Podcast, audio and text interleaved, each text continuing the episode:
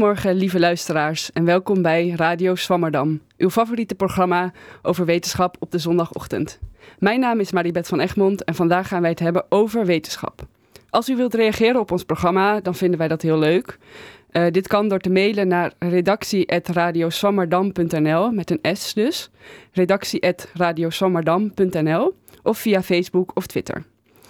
Dit uur gaan wij het dus hebben over wetenschap. Uh, de moderne wetenschap kent vele vaste denkbeelden en methoden. Door als wetenschappers afspraken te maken over welke methode men gebruikt, uh, komen we hopelijk iets dichter tot de werkelijkheid.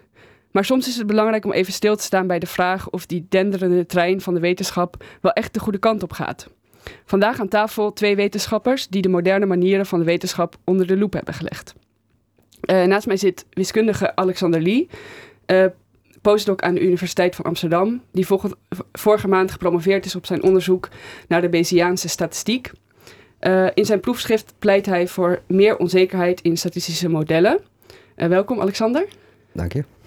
Um, ook aan tafel Sarah Durston, psycholoog en neurowetenschapper aan de Universiteit van Utrecht. Zij heeft onderzoek gedaan naar de reductionistische en materi materialistische blik binnen de neurowetenschap en de vraag of dit ons wel echt meer vertelt over de werkelijkheid. Welkom, Sarah. Dankjewel. Um, verder aan tafel onze columnist Milan. Fijn dat je er weer bent. Leuk om er weer te zijn. Uh, en mijn liefstallige co-host Nathalie. Goedemorgen. Goedemorgen. Hi. Um, Alexander en uh, Sarah, jullie kijken allebei kritisch aan tegen de huidige manier van wetenschappelijk onderzoek. Uh, je zou kunnen zeggen tegen het huidige paradigma. Uh, de geschiedenis leert dat zulke wetenschappers vaak op weerstand stuiten. Uh, hoe hebben jullie dit ervaren, Alexander? Nou, ik ben niet de enige. Het is mijn, mijn begeleider. Die, die heeft er iets meer last van gehad. En hij is ook iemand die daar... hij staat echt op zijn streep. Hij vindt dat iedereen een BCA moet zijn. ik, ik kijk er iets anders tegenaan. Ik vind... ik hoop gewoon eh, gereedschap te geven voor wetenschappers. En het is een keuze aan hun of, of zij die gebruiken. Dus dat uh, ik heb een iets andere insteek daarin. Er is altijd wel. Uh, er is een discussie en dat is eigenlijk wel goed dat we daar uh, discussie over voeren. Want anders is het heel erg onduidelijk. Juist dat erover te praten wordt het allemaal duidelijk. En ik ben er eigenlijk juist voor dat, dat, dat die discussie er is. Maar er moeten wel goede argumenten naar voren komen. En dat gebeurt niet altijd, heb ik het gevoel.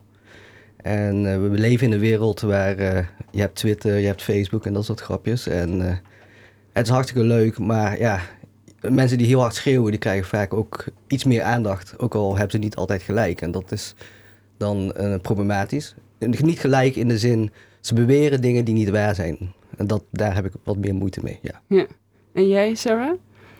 Nou, ik ben het helemaal met Alexander eens dat, dat discussie essentieel is om verder te komen. Um, qua weerstand moet ik zeggen dat ik meer weerstand had verwacht dan ik gehad heb. Ik heb een boek geschreven en uh, ja, de reacties die ik krijg van mensen, die zijn eigenlijk vooral heel erg leuk en geïnteresseerd. En misschien is het ook wel zo dat de mensen bij wie het weerstand oproept, niet zo snel contact met mij opnemen. Dat zou natuurlijk goed kunnen. Maar het, ik geloof wel dat het een moment is in de wetenschap dat we ook ja, dat veel mensen er klaar voor zijn om erover na te denken. Ja. Doen we het nog wel op de goede manier? Is wetenschap, komen we nog wel dichter bij die waarheid? Ja.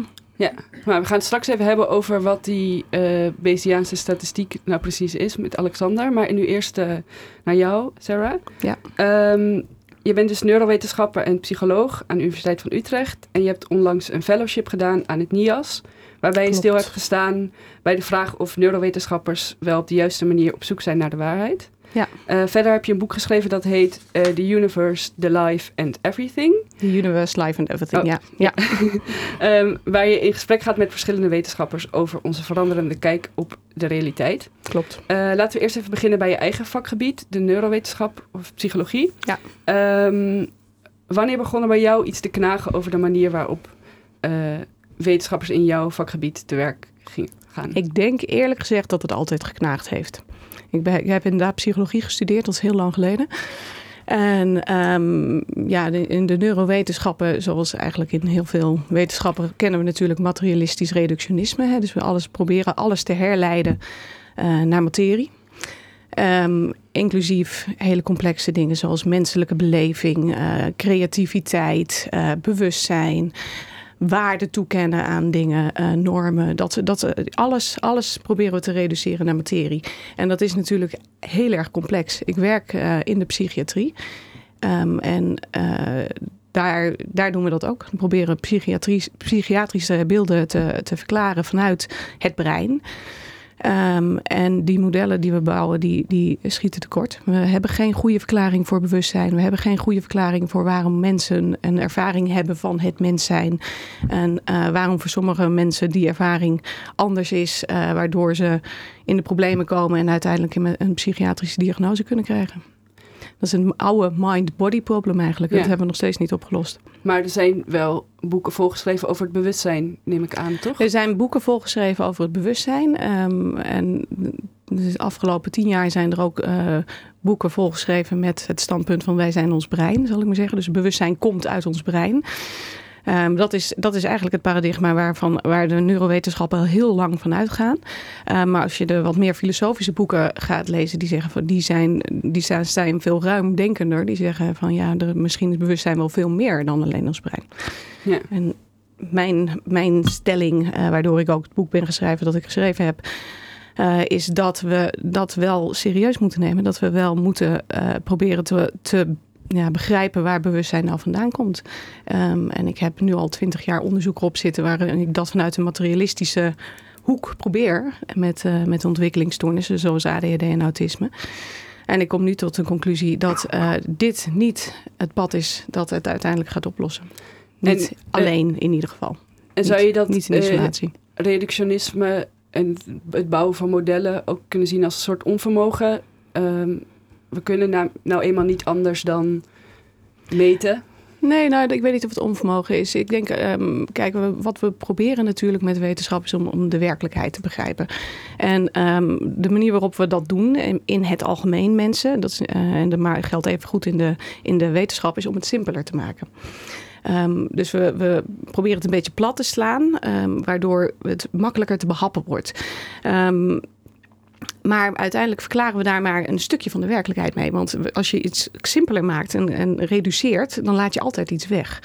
Uh, en ik denk dat we nu op het punt komen dat we moeten zeggen van ja, we, we weten ontzettend veel van het brein. Dat is ook allemaal heel waardevol. Dat moeten we zeker niet allemaal weggooien of zo. Maar we moeten wel weer terug naar ook die complexiteit. En ook over die complexiteit gaan nadenken.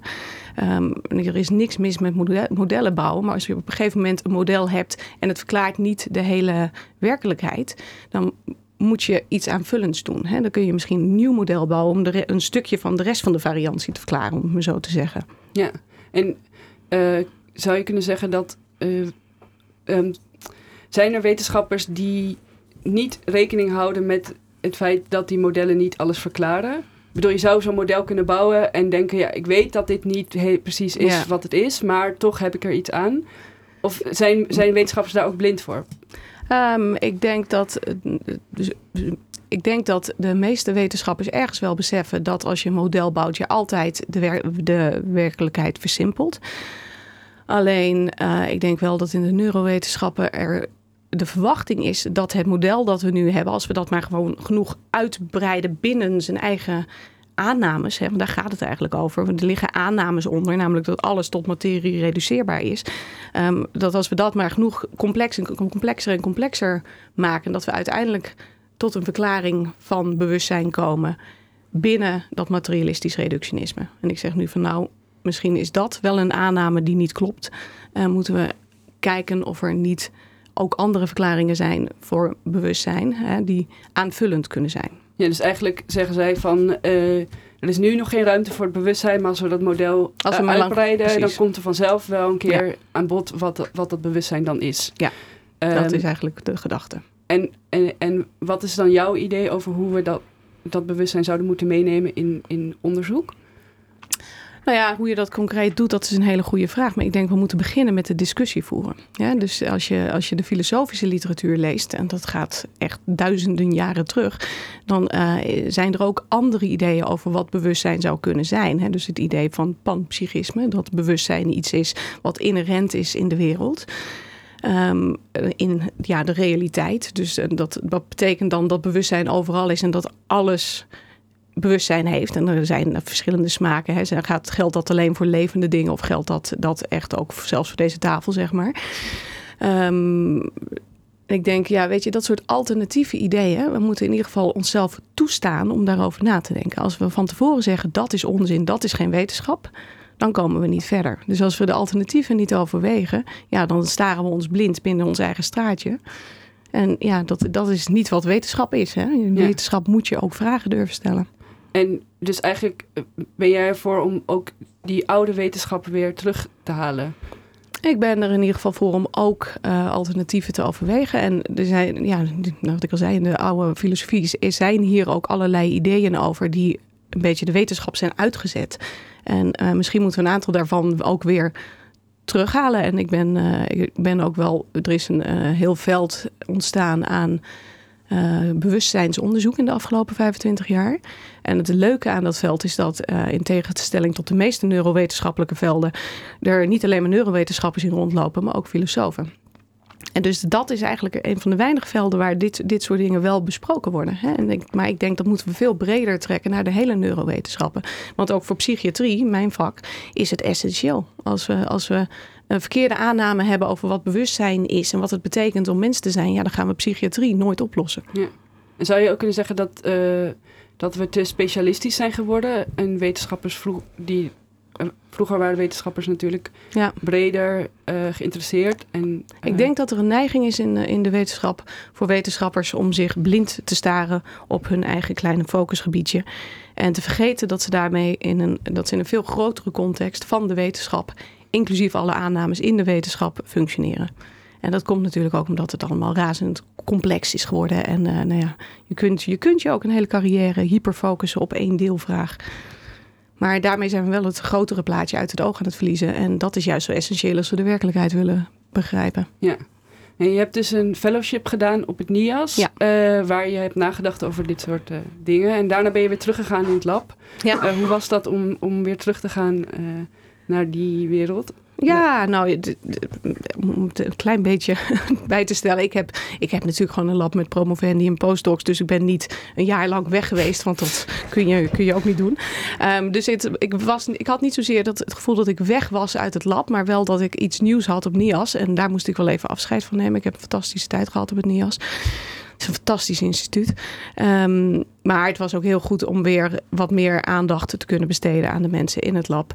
En ik heb in de tijd dat ik op NIAS was en ook daarna ook wel in onze regelmatige labmeetings hierover verteld. Ook aan, uh, aan uh, de mensen. Ja, weet je, en het wordt ook door mijn promovendi en postdocs heel erg interessant gevonden. Die, die uh, ja, we vinden het heel leuk om ook over dit soort dingen na te denken. En ik denk ook, dat zijn de mensen die in het stadium van hun carrière zitten. Dat, die, dat ze dus echt nog maar iets kunnen gaan doen met dit soort dingen. Als je al een carrière achter de rug hebt waarin je inderdaad ingezoomd hebt op een kleine deelvraag. Ja, dan dat is ook de reden dat ik weerstand had verwacht. Dan zijn dit soort gedachten misschien juist wel confronterend. Zoals als je jong bent, je hebt je carrière nog voor je, dan kun je er iets mee. Ja. Hoop ik. Dus het begint eigenlijk bij het bewust worden over, het uh, over, over dat we niet per se op zoek zijn naar de waarheid door heel erg in te zoomen en modellen te bouwen. En... Dat kan daar onderdeel van zijn, maar als je dat doet, dan is het wel heel belangrijk dat je blijft beseffen dat je dat doet vanuit een, uh, vanuit een kader, groter, breder wetenschappelijk kader. En dat daar ook aannames in gedaan worden, zoals in alle aspecten van het leven, laten we wel zijn. Uh, maar die aannames, het is ook heel goed om die af en toe ook te bevragen. Dat hoeft niet continu, maar er moeten ook momenten zijn dat we een stap terugnemen met z'n allen als wetenschappers en zeggen: hey, klopt dit nog wel, dit model waaruit we denken? Ja. Milan? Is er een manier waarop we dat soort discussies meer zouden kunnen inbouwen in de structuur van wetenschap doen? Want ik merk in mijn omgeving als promovendus van we hebben soms wel paperdiscussies. En dat zijn dan vaak, of niet vaak, maar soms wat meer filosofieën uh, van wat voor concepten en aannames zitten daarachter in onze wetenschap. Maar dat is vaak als een soort hobby, als ja. bijzaak. Ja. En ik zou, ik ben heel erg eens met wat je zegt van het zou meer inherent in ons, uh, in ons dagelijks uh, onderzoek doen moeten zitten. Maar ja. hoe, hoe, zou zoiets eruit kunnen zien? Nou, ik denk het, het begint al bij de, bij de studies, bij de opleidingen. Hè. Ik, ik heb psychologie gestudeerd, daar zat geen wetenschapsfilosofie in. En heel veel opleidingen zit geen wetenschapsfilosofie. Terwijl ik denk, ja, weet je, als we, als we al niet eens beginnen, als we al beginnen onze jonge mensen op te leiden zonder ze te zeggen, joh, wetenschap, hartstikke leuk, maar er zitten ook aannames achter. En daar kun je ook op andere manieren over nadenken. Dan, en als je dat meegeeft tijdens een opleiding. En misschien ook al wel daarvoor, gewoon op de middelbare school, kun je ook heel goed. En nou ja, daar zit misschien nog nou, ik weet eigenlijk niet precies wat er op de middelbare school gebeurt tegenwoordig. Want het is zo lang geleden dat ik op de middelbare school zat. Maar het, daar gebeurde het eigenlijk bij mij meer dan tijdens de psychologieopleiding, laat ik het zo zeggen. Um, maar ik denk dat dat de plek is om te beginnen. En ik denk dat het ook heel goed is, want we, we zijn heel goed in het organiseren van congressen en symposia en dingen die inzoomen op hele specifieke wetenschappelijke vraagstukken. Maar waarom zouden we dat niet kunnen doen voor grotere achterliggende dingen. En wat ook helpt, is uh, een van de dingen die we hebben gedaan toen het boek uitkwam, is dat we een, uh, een meeting hebben georganiseerd met uh, wetenschappers uit hele verschillende vakgebieden. Dus hartstikke, was geweldig. Ik bedoel, psychologen en, en filosofen en, en natuurkundigen. Dus echt mensen waarvan je ja, waarvan een van de deelnemers van tevoren, achteraf zei van ik dacht van tevoren, waar gaan we het er godsnaam over hebben? En stiekem loop je allemaal met dezelfde vragen. Ja. Dus het helpt heel erg om ook mensen uit hele verschillende diverse vakgebieden bij elkaar te zetten. Ja. Ja, laten we het even over dat boek hebben. Uh, The Life, Universe and Everything. The Universe, Life and oh, Everything. Geeft niks. Ehm, ehm, dit is dus een boek waarin je met verschillende wetenschappers spreekt over uh, ons veranderende, veranderende kijk op uh, wetenschap. Ja. en je hebt dit boek geschreven omdat je het idee had dat wat jij, jouw idee over de neurowetenschap gold voor ook voor veel andere wetenschappers gold. Als ja. ik het goed heb, toch? Ja, wat, wat, uh, hoe het boek is ontstaan, is uh, dat ik dus over bewustzijn ben gaan nadenken. Um, vanuit, vanuit mijn eigen vakgebied. En uh, op een gegeven moment mijn co-auteur leren kennen, Tom Baggerman. Hij is psychotherapeut. En hij liep, um, en wij zijn aan elkaar voorgesteld door iemand met wie ik hierover sprak en waar hij ook mee gesproken heeft. Um, en hij worstelde ja, ook vanuit de psychiatrie en zijn vak als psychotherapeut met vergelijkbare vragen. En wij zijn gewoon eens in het begin alleen maar met elkaar gaan praten. En op een gegeven moment um, kwamen we tot de conclusie dat er, uh, dat er andere wetenschappers waren in andere vakgebieden. Die uh, op in hun gebied aan het worstelen waren met de aannames in hun uh, vakgebieden. en dat wisten we omdat mensen daar boeken over schrijven en dat soort dingen. Dus dan hebben we op een gegeven moment tegen elkaar gezegd: zou het niet leuk zijn om deze mensen te gaan opzoeken? Ja. En toen zijn we dus gesprekken gaan voeren. Eh, met, wel met in ons achterhoofd, misschien kunnen we er ooit een boek van, van gaan maken. Die we dus ook hebben opgenomen. Uh, gewoon om van die mensen eens te horen van hoe is dat bij jou gegaan en wat, en wat, wat zijn dan de problemen waar jij tegenaan liep, loopt. En ook hoe zou een nieuw paradigma er dan uit kunnen zien.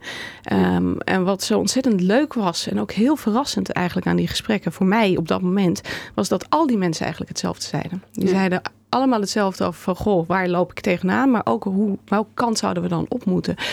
Um, en, nou ja, en ik zat op dat moment, na het laatste gesprek, was ik halverwege mijn tijd op NIAS. Toen dacht ik, nou, ik heb nu nog uh, een paar maanden. Dit boek, dat moet er gewoon komen. Dus toen heb ik uh, alles wat ik nog meer aan het doen was geparkeerd. En, uh, en ja, die dialogen uitgewerkt tot een boekje. Ja. Ja, een van de wetenschappers uh, die je interviewt is uh, bijvoorbeeld Erik Verlinde. Ja. Van wie uh, de promovendus Manus Visser een aantal weken geleden bij ons aan tafel zat. In een uitzending over emergentie. Uh, die kun je nog terugluisteren op onze website www.radioswammerdam.nl. Um, ehm, in het boek spreek je met zeer uiteenlopende wetenschappers, ja. uh, van natuurkundigen tot taalwetenschappers, econoom en econoom. Um, wat hebben deze wetenschappers uh, nu eigenlijk gemeen? Waarom staan ze samen in, in, in jouw boek? Wat ze gemeen hebben is dat ze na hebben gedacht en aan zijn gelopen tegen de grenzen van hun vakgebied. En dat ze uh, daardoor zijn gaan denken over hoe moet dit anders? Hoe zou dit anders kunnen? Hoe kunnen we dit op een andere manier conceptualiseren? Hè? Die, uh, op welke manier moeten we nadenken over de werkelijkheid? Um, en ja, we hebben ze, ze geselecteerd. Of, ja, we hebben ze niet eens geselecteerd. We hebben ze gevonden omdat ze daar tegenaan uh, liepen. En ja, hen dus benaderd. En omdat ze het ook leuk, vonden om met ons te praten en ja zeiden. En uh, ook bereid waren om het gesprek te laten opnemen en uh, op te nemen in het boek, zijn ze in het boek terechtgekomen. Dus we hebben niet expres gezocht naar eh, zo divers mogelijk. Of naar specifieke soorten vakgebieden, zeg maar. Mensen uit vak, speciale vakgebieden. Dus puur op basis van eh, wat ze zelf gezegd hebben of geschreven hebben over eh, de grenzen van hun eigen vakgebied. Ja, dus ze lopen aan tegen de grens van hun eigen vakgebied. En, Ja. Maar ze lopen ze ook op dezelfde manier aan tegen de grens van hun eigen vakgebied? Of ehm, Nou ja, eh, ja. eh, Ze lopen aan tegen. Het, kijk, het materialistisch reductionisme en de manier waarop we nadenken, dat is iets waar al deze mensen op de een Ja. of andere manier tegenaan zijn gelopen. Eh, dus dat bindt ze. En wat, wat ze ook gemeen hebben, is dat ze hebben gezegd: nou ja, we moeten er dus op een eh, nadenken op een andere manier. Ehm, alles in de wereld is, staat met alles in verbinding. En dat nemen we nu eigenlijk helemaal niet mee in, die, eh, in, de, in, de, in de wereld, in de realiteit moet ik zeggen. En dat nemen we helemaal niet mee in die eh, modellen zoals we ze nu maken. hè. We versimpelen te veel. Ehm, dus we hebben een holistischere kijk nodig. En ja, bovendien... kun je iets zeggen over wat, wat dat holistische precies betekent? Nou ja, dat betekent ehm, waar, ja, waarin je dus meer het geheel overziet. Want we zoomen zo in waar we net over hadden, hè, tot op de details van, eh, van een vakgebied en subdeeltjes in een vakgebied, dat we het geheel helemaal niet meer overzien. Dat zijn we een beetje kwijtgeraakt. Ja. En we hebben dus geen goede verklaring voor bewustzijn. Ehm, ja, en dat, dat gaan we ook niet krijgen op deze manier. Bovendien, als je. eh, een van de dingen waar we veel over praten in het boek is eh, kwantummechanica. En in de kwantummechanica is het zo dat eh, de vraag die je stelt, het experiment dat je doet, bepaalt uiteindelijk de, de uitkomst daarvan. Dus dat brengt de waarnemer en eh, daarmee misschien ook wel bewustzijn in een hele eh, centrale positie in het geheel. In het geheel van de realiteit. Ehm, en dat is al, heel fysisch, maar als je nadenkt over hoe onze sociale werkelijkheid in elkaar zit, de manier waarop je woorden geeft aan iets bepaalt heel erg hoe je erover nadenkt. Eh, we praten in de wetenschap heel vaak in metaforen. Nou ja, het feit dat we over het brein eh, hebben we een metafoor die veel gebruikt wordt, is een computer. Hè? Dat we het brein beschouwen als een soort computer. Ja, dan heb je dus automatisch over bedrading en processoren en dat soort dingen. En dat is een nuttige metafoor tot op zekere hoogte. Maar op het moment dat je je daar helemaal aan vasthoudt, dan verlies je dus andere aspecten van het brein in dit geval uit het beeld. Dus je moet ook je metaforen durven wisselen en, en, en opschuiven. En hè, soms kan het nuttig zijn om een nieuwe metafoor te bedenken. Ja. Dus eigenlijk ver- vergelijk je het gebruik van metaforen met kwantummechanica. Als in we hebben invloed op iets wat buiten ons staat. Ik zeg dat we, ja, ik denk dat we eh, uit het oog verloren zijn hoe bepalend we zelf zijn in de manier waarop we de realiteit beleven. Ik nou, heel simpel, hè, wat, wat doen onze zintuigen? Als je, eh, we kijken, we zien zichtbaar licht. Maar we weten dat er een enorme range en elektromagnetische eh, st- straling, eh, golven daaromheen is die we niet direct kunnen waarnemen. Dat geldt ook voor eh, de range van geluid dat we kunnen horen. Dat geldt eigenlijk voor al onze zintuigen. Dus we krijgen een beperkte hoeveelheid informatie binnen van de, van de omgeving. En daar maken we een wereldbeeld van. Maar we weten dat we eigenlijk ook een heleboel informatie niet binnen krijgen. Ja. En ons brein integreert dan die informatiestromen. En eh, is ook heel erg goed in het uitfilteren van nog meer informatie. Dus wat we binnenkrijgen is al een versimpeling. En, eh, om, Dus we hebben een hele centrale rol in hoe we de werkelijkheid beleven. ja. en hoe jullie in het lab de werkelijkheid beleven, wordt nu ook Ja. onderzocht door iemand, toch? Ja, dat klopt. Ja. Nee, we hebben een. eh, de, eh, Peter Paul Verbeek is een hoogleraar filosofie aan de Universiteit van Twente. En hij heeft een Fici-project. En een van de deelprojecten van zijn Fici is een, een promotieproject van Bas de Boer, zijn promovendus. En eh, die is ons nu in het lab eh, aan het filmen in onze interacties over onze neurowetenschappelijke data. Zodat hij kan analyseren hoe we in de manier waarop we over die data praten, ja, een, een, een interpretatie, een werkelijkheid vormen rondom die data. Maar daar weten jullie nu nog niet. eh, Nee, daar hebben we nog van. geen, geen eh, resultaten van. Dat, is, eh, dat, dat komt nog aan het eind van de, van de rit. Als hij klaar is met alle analyses, dan komt hij ons een workshop geven. Waarin hij ons ook gaat spiegelen hoe we dat doen. Ik vind het geweldig. Ja, Dus, hij lijkt me wel ja. confronterend waarschijnlijk. Ja, weet ik niet. Ik ben heel benieuwd. Maar ik- dit is wel wat mensen de hele dag door doen. Door te praten over, geven ze vorm aan hun, hun realiteit. En ik denk dat het heel goed is om daar eens bij stil te staan. Ja. Ja, dus Ja. Ik, eh, ik heb er wel zin in. Ja, we gaan het straks met uh, Alexander Lee hebben over de statistiek. Dat is eigenlijk wel een van onze belangrijkste tools om de werkelijkheid in kaart te brengen. Ja. Uh, is dat ook iets waar jij uh, over na hebt gedacht of over hebt gesproken met Statistiek specifiek niet, maar het is natuurlijk wel zo dat we in de wetenschap... Um, uh, onwaarschijnlijk veel waarde hechten aan het fenomeen P is kleiner dan 0,05 ja, dat dat een uh, hele kort door de bocht manier is om over uh, de werkelijkheid na te denken of iets wel of niet er is, zeg maar, een verband. Dat is natuurlijk, ja. Dus ik ben heel benieuwd wat Alexander straks te zeggen heeft. Dus ik heb zijn proefschrift nog niet gelezen, maar uh, hoop ik te krijgen. Oké, okay, nou, ja. we gaan het horen. Ja. Um, het is tijd voor de column. Uh, bedankt voor je verhaal. Uh, Graag gedaan. Je zit nog even bij ons aan tafel. Ja. Um, uh, Milan, jij bent zelf ook promovendus. Herken jij iets in het verhaal van Sarah? enorm, ja, enorm. Ik, vooral heel erg de, het knagen vanaf het begin. ik kom ook uit een interdisciplinaire opleiding Beta Gamma. Dus dat is, vanaf dag één heb ik me daar mee bezig gehouden. Um, en Vooral kan ik me nog heel erg herinneren dat ik als kleinkind, of nou, kleinkind, toen ik uh, studiekeuze moest gaan uh, doen, toen uh, zat ik met mijn moeder daarover aan het praten. Toen ik van ja, ik wil eigenlijk dit en dat en wil begrijpen hoe dingen werken en een soort van in realiteit begrijpen. Zei ze, liefje, dat is het leven. en um, ja, dat, uh, dus toen ben ik maar Beta Gamma gaan studeren. De, als second best. Uh, dus ja, ja, heel erg herkenbaar. Ja. En ook nu tijdens promoveren merk ik van ja, die afleiding. Ik noem het dan afleiding. Maar het is wel heel erg inspirerend altijd om er weer even mee bezig te zijn met die, wat die onderliggende aannames. Dan krijg ik altijd wel weer even een boost van... Er is zoveel manieren om naar de realiteit te kijken. En dat vind ik heel erg spannend. Ja, ja. Leuk. Nou, brand los met je ja, column. Dank je. Um, mijn column heet een, De holistische gedachtenkronkels van een PhD-student. Ja, ik ben het erg eens dat de wetenschap profijt zou hebben van een meer holistische kijk op de wereld. En vooral ook van, van de complexiteit en nuances van de natuur meer onder ogen durven te zien. Te noemen of zo. Maar hoe ziet een holistische wetenschapper dan eigenlijk uit? Ha, een goede analogie met Dirk Gently eigenlijk. Hij weet zijn holistische detective aanpak zo mooi te vatten in, een conversatie met een Mrs. Rollinson.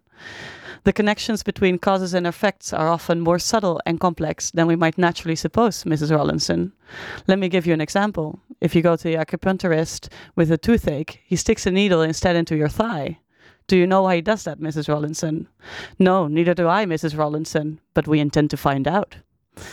Blijft een goeie. Maar uh, als ik hem dus goed begrijp, de realiteit is complexer dan we denken. En als we, aannemen, als we dat aannemen, kunnen we de antwoorden vinden die we eerst onmogelijk dachten. Nice. Huppakee, lekker geen last meer van vastgeroeste paradigma's onderzoeksniches en zelfs Facebook. Gezien door fotoscrollen van je schoolvrienden die je al zeven jaar niet gesproken hebt, je dankzij de fundamentele verbinding van alles in het universum iets zou kunnen vertellen over, ik weet niet, ik noem maar eens wat, soortspecifieke verandering in de waslaag van tropische planten bij wisselend klimaat.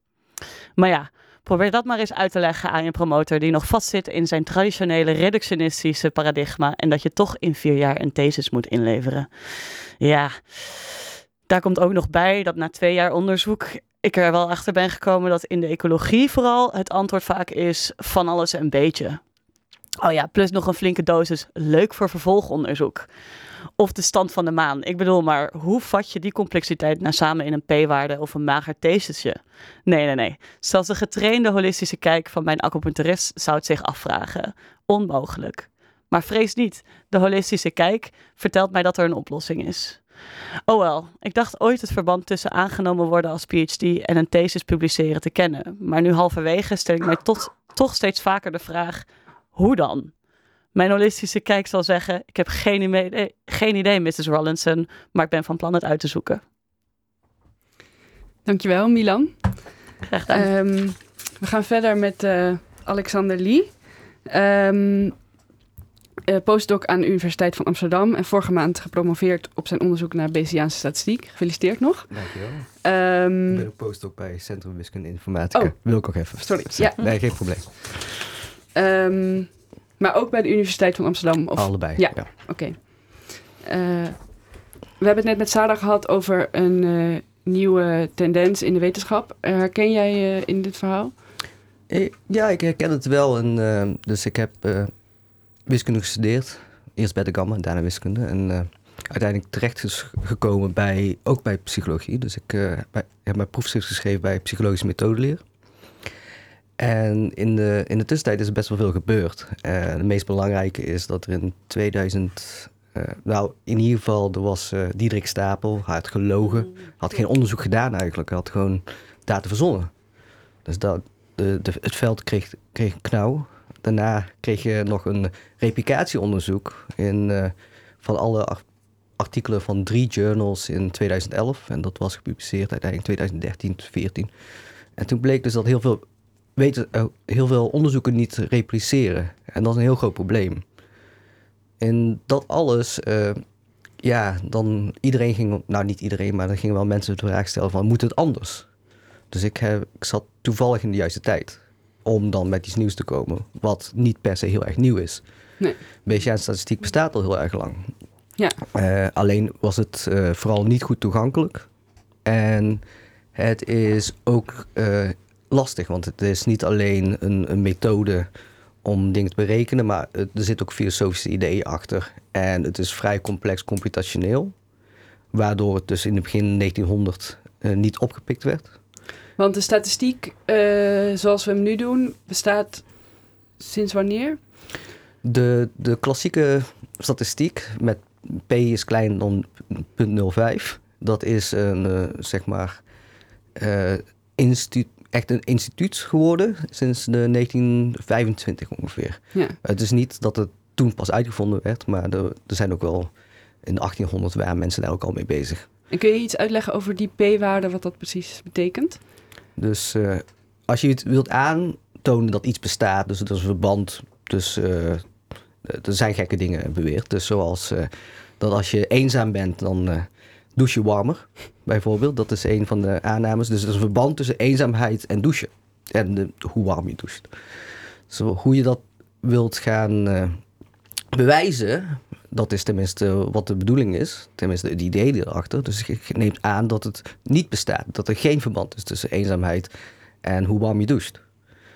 En dat is die aanname dat er geen effect is. En dat geen effect probeert te verifiëren in de werkelijkheid met behulp van data. En als je dat niet kunt verifiëren, en dat is dus dat statement van p is kleiner dan 0,05, dan, maak, dan trek je de conclusie, oh het bestaat, er is een relatie daartussen. Dus dat is eigenlijk, je probeert een soort bewijs uit ongerijmde te doen. Het ene probleem is, eh, de, de wereld is niet zwart-wit. Het is niet, het is zo of het is niet zo. Daarnaast zitten allemaal aannames erbij die die meeste mensen eigenlijk niet goed begrijpen of vergeten zijn. Want in de tussentijd zijn eh, dit soort eh, dingen zoals p-waarden zijn dus in computerprogramma gestopt. Of, nou, vroeger was het zo dat mensen een tabelletje moesten op eh, een paar kleine getallen moesten uitrekenen, dus een paar, paar getallen. eh, opzoeken in de appendix, in een tabelletje. En daaruit concluderen, nou, het is kleiner dan 0,05, dus het is goed. Er is een verband. Nu doen ze dat in een computer. Dus ze zien de berekeningen zelfs niet meer. En dan heb je een conclusie. Ja. En dat is eh, waarschijnlijk problematisch. Ja, ik vind het problematisch. En we hebben net het verhaal gehoord over modellen maken. En de mensen beseffen dus niet dat er ergens een model achter zit. Ze weten niet eens dat er, wat de aannames zijn. En dat, dat, is heel, dat is een groot probleem. Ja, dus we zijn, net als we het net over ha- hadden, zo erg ingezoomd op een, een klein dingetje. En dat we eigenlijk vergeten zijn waar, waar we... Soms, soms vergeten waar we eigenlijk mee bezig zijn. Of wetenschappers. Ja, maar het is ook wel heel erg, eh, op een bepaald manier, eh, het is ook wel een beetje logisch. Een eh, psycholoog is niet geïnteresseerd in de wiskunde. Ze is niet geïnteresseerd in precies de statistiek, in de zin dat de wiskunde statistiek is maar een gereedschap voor hun om, want het is heel lastig om eh, mensen in het lab te krijgen om daar onderzoek mee te doen. Dat is helemaal niet makkelijk. En, en ja, dat- daar moet je al heel veel tijd aan besteden. En dan kun je niet eh, ook nog al je tijd besteden aan alle wiskundige methoden die eronder liggen. Dat, ja, je hebt daar gewoon te weinig tijd voor. Daarnaast is er heel veel druk tegenwoordig over eh, de publicatiedruk en dat soort verhaal. Het wordt alleen maar. Dus het loont, zeg maar, om specialistisch te zijn. Ja, En met eh, wat ook problematisch is, is de hoe de anderen, dus hoe we samen als, als geheel kijken naar de wetenschap, En we zien iets dat staat p is kleiner dan 0, eh, 0.05. En dan denk ik van ja, dat moet wel goed zijn. Dat is een soort goedkeuring. Dat is, het heeft een label gekregen. Dan Want moet het wel eh, goed als je het hebt over die publicaties, dan is het dus ook zo dat als je een onderzoek doet wat niet significant is, wat niet de juiste p-waarde heeft, dan kun je dat ook niet publiceren.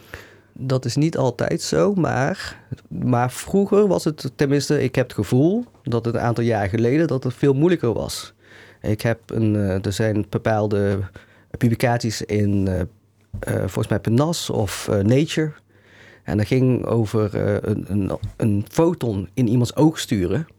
En dat is één foton, dat is heel precieze werk. En er werden bepaalde conclusies uitgetrokken en de p-waarde was minder dan 0,05. Maar er was iets van 0,07. En een van de reviewers zei... Ja, zo'n p-waarde, dat is niet goed. Dat, eh, nee, dat, eh, waarschijnlijk is uw onderzoek niet goed gedaan. Dus het, eigenlijk is het verkeerd omgeredeneerd. Het is niet gekeken naar de data, maar gekeken naar de p-waarde. Zo ja, dan heb je je onderzoek niet goed gedaan. Ja. Één. Daarna, de volgende ronde bleek dus... Ja, we hebben andere methoden gebruikt... en nu hebben we de, de, de p-waarde eh, verbeterd. Dus geen nieuwe data gedaan, maar andere berekeningen gedaan. En toen was het wel goed. Ja, ik vind dat, eh, vind dat heel, ja, heel slecht. Ik vind dat echt, eh, ja, het is vervelend. Want het feit dat de beste man een machine kon maken die één foton in je oog stuurt, heel gericht. Nou, dat alleen al is heel knap. Dat Ja. is al de moeite waard om publicaties te doen. Maar niet die p-waarde, dat, dat, was, dat doet er niet toe. Maar de laatste tijd is, er dus, is er minder, wordt er minder waarde gehecht aan die p-waarde, zeg je. Eh, de laatste tijd, dus eh, dat is ook de, ehm, door al die schandalen, maar ook eh, NWO heeft, er zijn verschillende mensen in de commissies geweest over replicatieonderzoek, dus dat er veel meer geld moet komen naar replicatieonderzoek. En er zijn ook veel meer journals voor die, die dat openstellen. Dus, dus op de ene, ja, een paar jaar geleden, crisis. Maar eh, als je kijkt naar het veld psychologie, ze doen wel hun best. Dus er is wel heel veel gaande nu. En jij hebt dus onderzoek gedaan naar de Bayesiaanse statistiek. Eh Bayes, een wiskundige, leefde geloof ik in de 18e eeuw. Ja. Eh, Hij was eigenlijk een reverend, als goed priester, als, als ik goed vertaal. Ik weet niet heel, heel precies. Maar hij zat in de kerk in ieder geval. En na zijn dood is er een, is er een paper geproduceerd dat, waar zijn, zijn beroemde base rule in eh, terecht is gekomen. Ja. ja. En hoe komt het dat die, eh, dat die statistiek niet gangbaar is geworden, maar de statistiek die we nu gebruiken wel? Oeh, dat, eh, dat is een discussie in eind eh, 1800. En dat gaat dan, de- dus in de Bayesiaanse statistiek, wat, wat het punt is van Bayesiaanse statistiek, je probeert de redeneren van je data naar je model. En om dat te doen, do- do- moet je een prior kiezen. Dus dat is een, de keuze van de statistici. Je moet iets kiezen. En die keuze, als je dat anders doet, dus als je eh, die keuze doet op de variantie, dus je kunt kijken naar een variantie, of je kunt naar een standaarddeviatie, is beide hetzelfde. Eentje is, is een, een functie van ander. En als je dat op een andere manier naar kijkt, dan krijg je andere resultaten. Dus dat was een probleem. En dan in begin 1900, dus Fisher, Ronald Fisher, dus degene die echt p-waarde populair heeft gemaakt, die zei ja, dat kan niet. Dat moet eh, onafhankelijk zijn van hoe wij als statistici er naar kijken. Ja, dus met die eh, p-waarde methode konden wetenschappers eigenlijk makkelijker afspraken maken onderling over hoe ze onderzoek Dat- deden. dat was een vervolg. Hij was ook heel erg praktisch. De beste man was ook heel, heel erg praktisch. Maar Ja. hij, eh, wat, wat voor voordeel was, is... eh, er bestond op dat moment... dus het veld zoals genetica bestond niet. Dat heeft hij dus zeg maar opgericht. En daar had dus... hoe moet je dan methode... eh, wat voor methodes moet die mens gebruiken? En die methodes die ze gebruikten waren van hem. Die zei, ja, je moet het gewoon zo doen. Je moet iets simpels berekenen. Je kijkt in een tabelletje. En daaruit kun je dingen concluderen. Dus het is eigenlijk eh, voortgevloeid uit, eh, ook uit iets praktisch. Vooral toen hadden ze geen computers, dus, dus moeilijke berekening kon ook niet. Nathalie? Ja, even een vraag voor mij. Ik weet heel weinig van statistiek. Maar we hebben het vandaag over hè, de wetenschap wat breder trekken. Ja. En zeg je dat dan zo'n eh Bayesiaanse statistiek dus eigenlijk een mogelijkheid is om meerdere soorten normen in zich op te nemen? Dat je zegt van die is minder rigide hè, dan een soort van de, de, de standaard soort statistiek die in de wetenschap gang, eh, gangbaar is. Zeg je van Bayesiaanse statistiek, daar heb je een mogelijkheid om verschillende eh, parameters te gebruiken? Of hoe moet ik dat zien? Want ik, ik weet heel weinig van statistiek, dus Ja, eh, moet dus- echt... eh, Dus het verhaal is eigenlijk, eh, de- eh, misschien is het problematisch dat ik het, hoe ik eh, mijn verhaal begon. Want er zijn verschillende problemen eh, in de wereld in de, van de wetenschap doen. Eentje is dus eh, hoe wij naar de wetenschap kijken als onderzoekers. Dus de labelen van, van iets dat goed of fout is. Dat is één. Twee, eh, publicatiedruk. Het zijn allemaal sociale problemen. En dan, dan komen we ook op een ander gedeelte uit, waar ik dus onderzoek in gedaan heb. Dus wat eigenlijk maar een heel klein onderdeel is van, van de wereld van onderzoek doen. En dat is de statistiek. En dat de statistiek gedeelte is. Het meest cruciaal van een beetje aan statistiek is dus. eh, geef je data, wat zegt dat over de werkelijkheid? En in de p-waarde manier van denken is het vaak van. Ik heb een aanname over de werkelijkheid. Op basis van die aanname heeft dat. eh, ehm, dat, dat, dat bepaalt hoe mijn data eruit ziet. Maar ik wil je, de meeste mensen, ik denk ook wetenschappers, willen juist leren van hun data. Daar moet je Bayesiaan zijn. Maar dat kost, komt dus met een. Het is niet gratis. Daar moet je iets voor doen. En dan moet je dus. eh, dat is dus eh, de onderzoek waar ik in, in zit. En mijn onderzoek is dus kiezen van juist de a priori distributies. Dat, dat is dan technisch hoe ik zou zeggen. En daar moet je goede keuzes in maken. Ja, dus, dus hè, die discussie over wat voor ehm, distributie er is, die, die is dus wel mogelijk in, hè, in, in, eh, in deze alternatieve kijk, laten we het zo zeggen. Dat is wel een van de, een Ja. van de onderdelen daarvan. Er, er zijn verschillende distributies hier. Dus je hebt één, één het model. En in het model zitten parameters waar je niks van af weet. En omdat ik het niet weet, dan als Bayesiaan zet je daar een, een a priori distributie op. En dat eigenlijk wat je doet, je modelleert je, je kennis. Voordat je je data hebt gezien. En als je data daarna binnenkomt, dan maak je van je a priori kennis, maak je dan een posterior kennis. Dan zeg je van nou, gegeven wat ik de data, dan is dit wat ik erover nadenk. Ja, dus eigenlijk eh, sluit het ook weer aan op waar we het net over hadden. Dat je eh, in plaats van dat je van tevoren bedenkt wat je eigenlijk zoekt en eh, daarna op zoek gaat, dat je meer eh, ruimte op, openlaat voor eh, wat er zou kunnen vo- volgen uit je data. Begrijp ik het zo goed? Ja, dat is één, één belangrijk onderdeel daarvan, ja. Dus het is eh, niet alleen dat, maar het is ook... eh, wat het vo- voordeel is, is het is heel dynamisch. Dus hoe meer data je krijgt, hoe zekerder je wordt over je, je parameters, je, je posterior. Dus, en, in, en dat is, vind ik zelf, het meest belangrijke, het cruciale. Want te vaak en doen wij conclusies die eigenlijk eh, nog niet waard zijn. Dus, dus Sarah had er over, over modellen. En dus dat is ook heel veel wat er aan de hand is. En te vaak hebben we hebben weinig data. En dan, en dan komen we tot een conclusie dat eigenlijk veel te vroeg was. Eh, een aantal jaar geleden zeiden ze, ja, rode wijn is goed voor je. En dan een aantal jaar daarna, rode wijn is slecht voor je. Dus eigenlijk hebben we gewoon te snel conclusies getrokken. Wat, Ja. wat we moeten doen is eigenlijk, ja, wa- waar zijn we nu dan? En wat het fijne is aan Bayesian statistiek is dat je kunt voortbouwen op eerdere onderzoeken. Want wat En- voor soort antwoord komt er uit eh, zo'n rode wijnonderzoek als we Bayesiaanse statistiek zouden gebruiken? Dus eh, in, bijzonder, dus, dus wat ik dan doe, dus, eh, is dus Bayesiaans testen.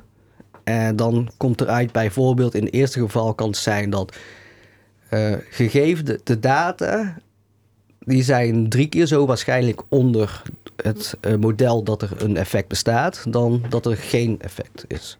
Het zegt niet, het is, het is zeker, maar het zegt drie keer zoveel waarschijnlijker dat het onder de alternatief is dan onder de Ja. onder de nul model. Nul model geen effect. Ja, en als je dan vervolgens nog een keer onderzoek doet, kun je dat eh, er meenemen. Ja, dan kunt je daarop voortbouwen, dus je kunt voortbouwen op de data. En dat is, maakt het heel dynamisch. En het kan zijn dat je het eerste onderzoek dus drie keer voor de alternatief hebt en dan daarna gaat het steeds omlaag. Ja. Dat, dat kan gebeuren.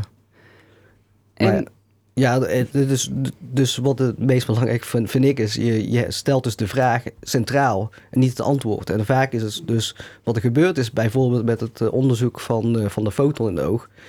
Het resultaat was belangrijk. Want zolang de p-waarde kleiner dan 0,05 was, dan was het eh, waard om te publiceren. Dus het resultaat bepaalde of je kon publiceren of niet. Terwijl ik denk dat onderzoek doen is juist de vragen stellen en daar meer antwoorden op, op proberen te vinden. En waarschijnlijk, som, ja, we leven in een heel ruizige wereld. Dus ons antwoord moet ook vrij ruizig zijn. En we moeten toestaan om daarmee verder op voor te bouwen. Vind ik wel een hele mooie conclusie eh, om een eh, studie mee te beginnen. Onze, ons antwoord mogen meer ruiziger zijn.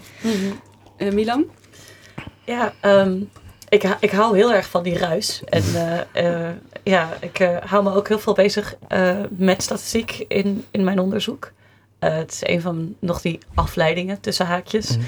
Ehm, en eh, eh, ik vroeg me, nou, wat ik merk is, ik kan heel erg gepassioneerd en ik heb er heel veel eh, zin in. En ik vind het, nou juist het ruisige en het complexe eraan heel leuk en spannend. Maar ik merk in mijn omgeving dat er toch wel vaak, oh shoot, ik moet nu statistiek gaan doen. En dan dat soort van, in, onder mijn PhD's, collega's ehm, of zelfs hoger, dat vaak dat het minst leuke onderdeel is. eh, Of het moeilijkste en het vervelende. En kunnen we dat niet gewoon overslaan? Eh, eh, dat heb ik gehoord. En zelf heb ik zoiets van: dit is nou juist waar de, waar, waar de conversatie zich, waar, waar de wetenschap zich afspeelt. In, in hoe analyseer je, deze data en wat kun je er precies uithalen. Maar ervaar jij of weet jij hoe je eh, die afkeer van, van dat complexe, gruizige. Eh, hoe je dat aantrekkelijker zou kunnen maken. Dat ik het mee kan nemen naar mijn instituut maandag. Hey, je programma heet Jeffrey's Amazing Statistics Program, dus dat klinkt al heel Ja. leuk. ja, ja. Ja, we hebben dus. Dus eh, ik- begon ook ergens met kritiek op eh, computerprogramma's die je gratis. eh, of die je meteen resultaten geeft op je data. Nou, om heel eerlijk te zijn, wij doen het niet veel beter. Wij maken ook een computerprogramma. Het is gratis eh, te downloaden. Dus het heet JASP. Dus eh, zo noemen we het meestal. En eh, het voordeel is dat we het open source uitgebracht. Dus iedereen kan het gratis eh, downloaden. En je kunt gewoon precies zien hoe wij de berekeningen doen. In in het programma. Het je moet er wel doorheen graven. Het is niet, niet makkelijk, maar, maar het is beschikbaar. Dus in vergelijking met een programma als SPSS, je kunt dat niet openbreken. En JASP, het is gewoon open. Je kunt er gewoon in kijken. Het is dus, eh, dus dat. En daarnaast eh proberen we uit te leggen wat je kunt doen met Bayesian statistiek en hoe je daarmee kunt voortbouwen. Dus we schrijven daar ook eh, tutorials over en om dat aan te geven wat er aan de hand is. Wat we dus proberen makkelijk te maken is gegeven de data die je hebt, je kunt het inladen en je ziet dan wat er gebeurt op de, op de output kant. En dan zie je veel plotjes om je een beetje daar een indicatie over te geven. Dus dat is een van de dingen om het iets makkelijker te maken. Ja.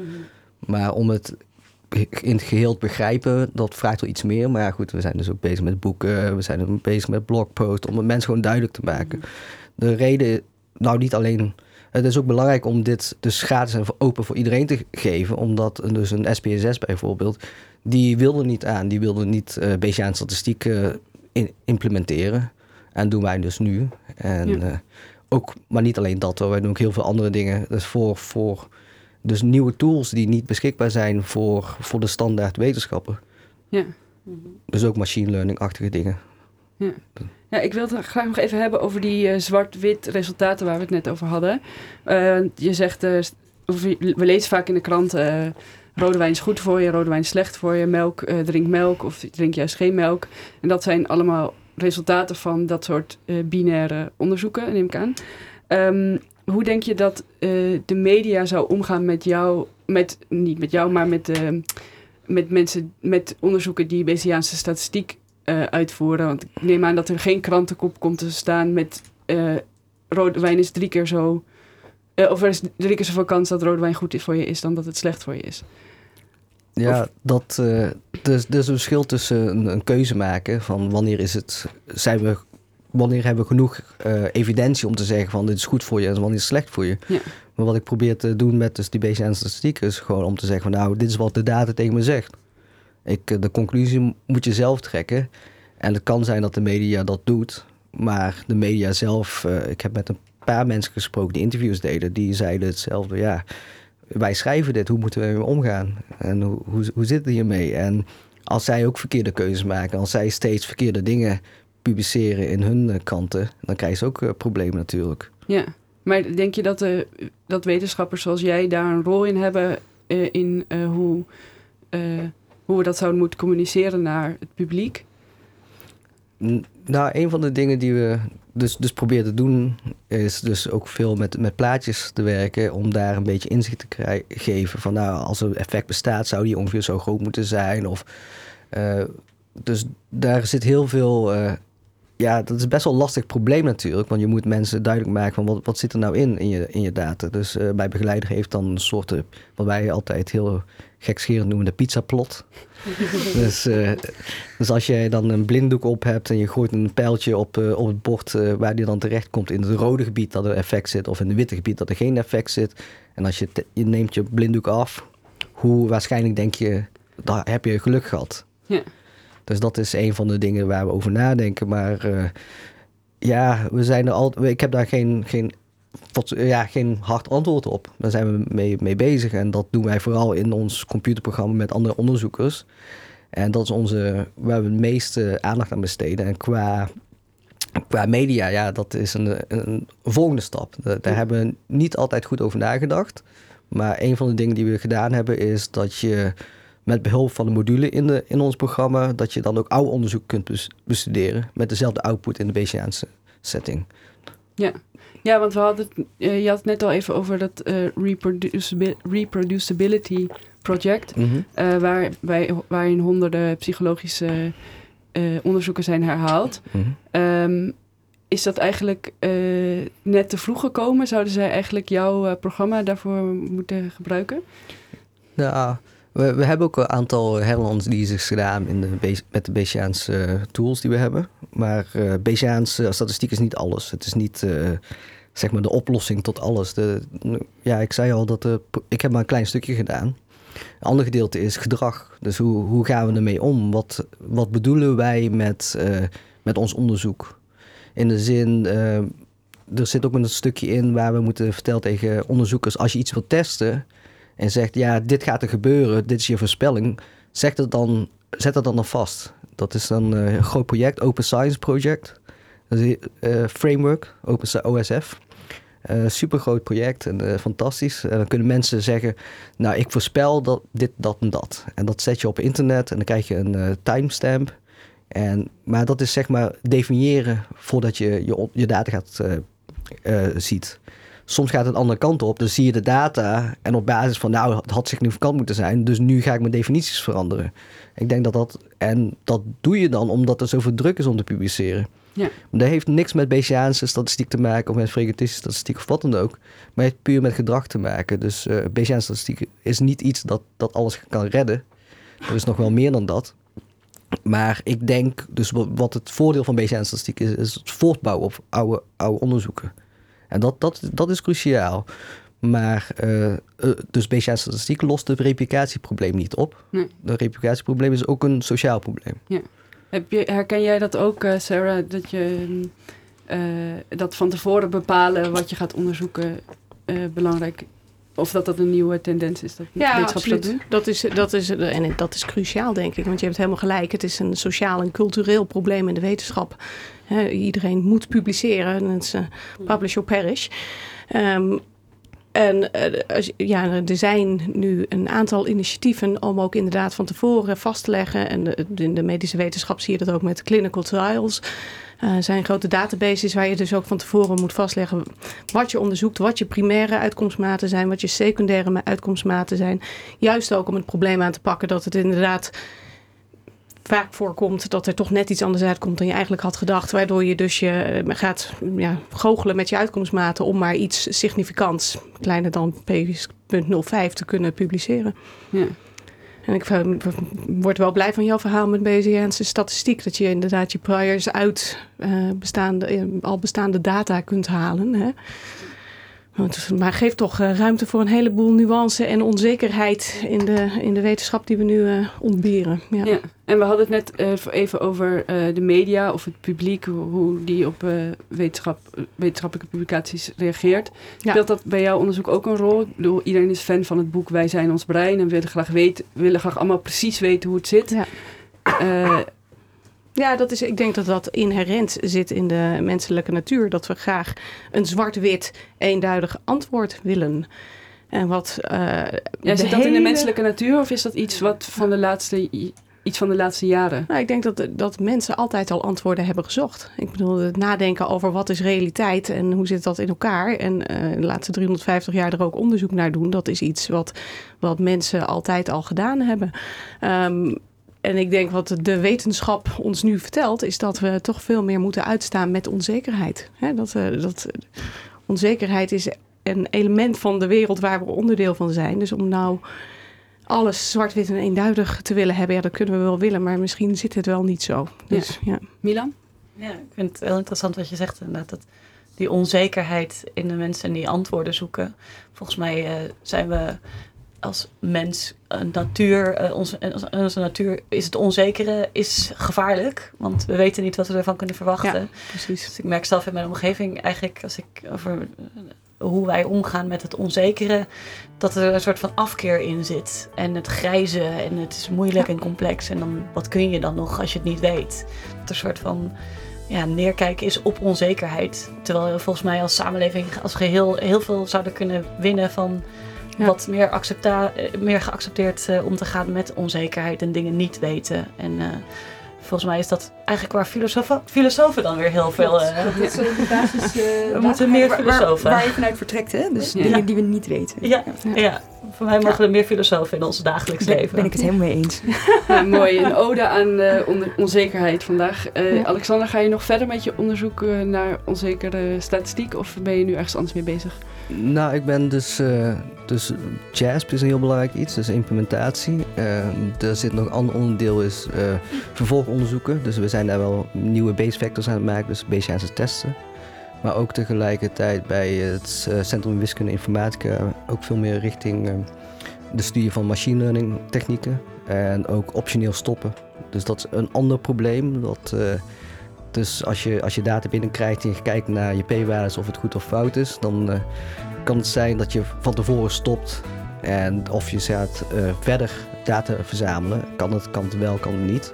Er is ook een meer kritische blik op de Bayesiaanse test die we gemaakt hebben. Dat is ook gezond. Nogmaals, Bayesiaanse statistiek is niet het antwoord op alles. Ja. Maar uh, het is een onderdeel ervan. En ik denk dat het onderdeel dus wat over, waar we het net over hadden, belangrijk is, is niet alleen denken dat wij antwoorden kunnen krijgen van kortstondige onderzoekvragen of data-experimenten of wat dan ook. Maar dat we eigenlijk in een leerproces zijn en over twintig jaar hopelijk vergeten ze mij. En dan hebben andere mensen iets nieuws gedaan en uh, daarop voortgebouwd. Ja, we moeten afsluiten. Uh, bedankt voor je verhaal, uh, Alexander. Aan tafel zaten Sarah Dursen en Alexander Lee. en we hebben een ode gebracht aan de onzekerheid en de ruis. bedankt Milan voor je column en Aafke zat achter de knoppen. En bedankt Nathalie voor het meepresenteren. Later vanmiddag kunt u de hele uitzending via onze website www.radioswammerdam.nl terugluisteren of via onze podcast op iTunes uh, Soundcloud of waar je het liefst je podcast luistert.